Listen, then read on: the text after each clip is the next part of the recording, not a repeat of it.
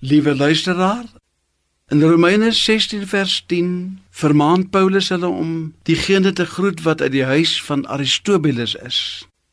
Dit is baie interessant om te weet waarvoor die geskiedenis mense onthou.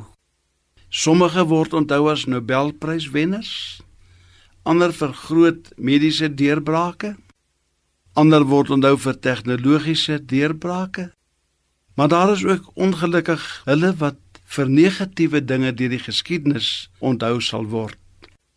Ons teksgedagte egter maak melding van 'n besondere persoon wat vir toegewyde lewe as raadgewer in Paulus se gemeente onthou word.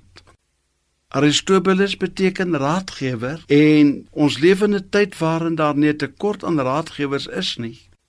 Ons weet van skuldberaders, traumaberaders, finansiële raadgewers, Elkeen hiervan is 'n dissipline in eie reg wat baie kan help in 'n krisistyd. Dis egter ook jammer dat daar mense is wat verander verkeerde raad gee. En mense kan as gevolg van verkeerde raad jare se verliese en smarte ly as hulle vir die verkeerde raadgewer geluister het. In die gemeente van Rome was daar egter Aristobulus wat mense met wyse raad kon bedien. Paulus groet hom Nee, hy sal heer hom. Groet vir Aristobulus. God het dit in sy groote almag beskik dat daar in elke familie of vriendekring 'n wyse ou Aristobulus sal wees wat uit die diepte van sy lewenservaring of haar lewenservaring mense leiding kan gee met goddelike raad as ook soms om hulle te waarsku. Ons het goeie raad nodig in ons geldsaake, in ons studierigtinge, in ons huwelikskeuses, in ons kinderopvoeding.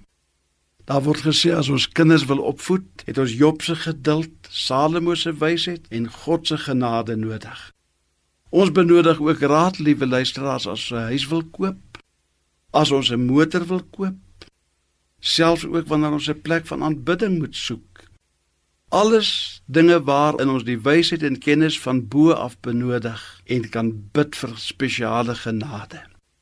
Hoe dank ek die Here vandag vir die Aristobulusse op my eie pad wat my soveel dinge geleer het en met soveel goeie raad bedien het.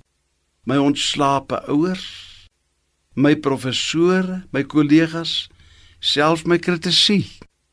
Hulle was die Aristobulusse op my pad Ek waardeer hulle en ek sal eer hulle. Wees altyd dankbaar as daar 'n Aristobulus is en wie se ervaring jy die lesse van die lewe kan leer. Kom ons bid saam. Hemelse Vader, dankie vir die diepte, die rykdom, die wysheid en kennis van God. Dankie vir elke Aristobulus op my lewenspad wat my met goeie raad kon bedien. Amen.